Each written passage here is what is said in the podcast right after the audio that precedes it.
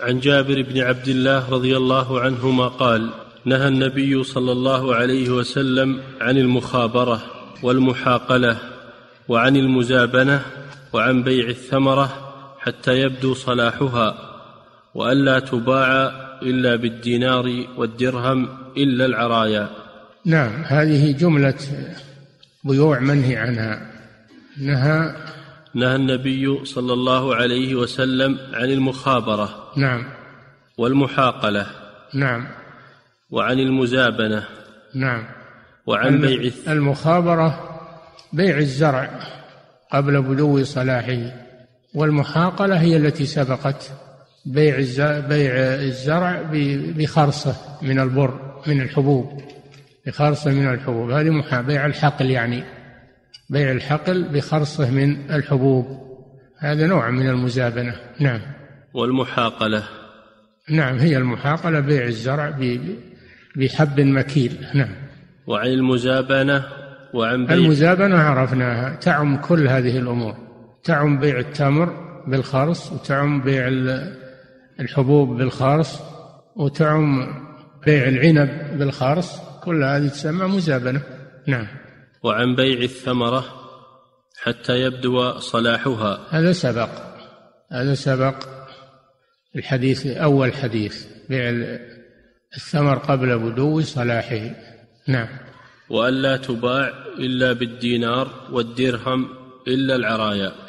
لا تباع هذه إذا بيعت دل على أنه إذا بيعت هذه الأشياء بالدراهم لا بأس. إذا بيع الزرع بدراهم وهو على زرعه بعد بدو صلاحه مشتد اشتد حبه يجوز بيعه بالدراهم.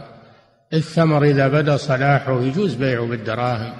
من ثمر النخيل أو ثمر الأعناب يجوز بيعه بالدراهم. الدينار يعني بالدراهم. العملة في كل وقت بحسبه. وذاك الوقت كان العملة الدينار وهو الذهب مثقال من الذهب دينار الإسلامي. نعم. قال المصنف المحاقلة الحنطة في سنبلها بحنطة. هذا هو اللي سبق. بيع الزرع بخرصه من الكيل. نعم. أحسن الله إليك.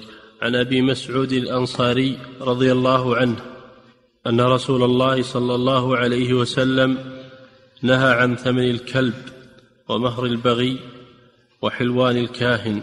هذا من البيوع المنهي عنها. نهى عن ثمن الكلب. الكلب يستعمل. للحراسة أو للصيد أو لحراسة الماشية. يجوز استعمال الكلب للصيد الكلب المعلم وللحراسة سواء معلم أو غير معلم حراسة الماشية حراسة المزرعة.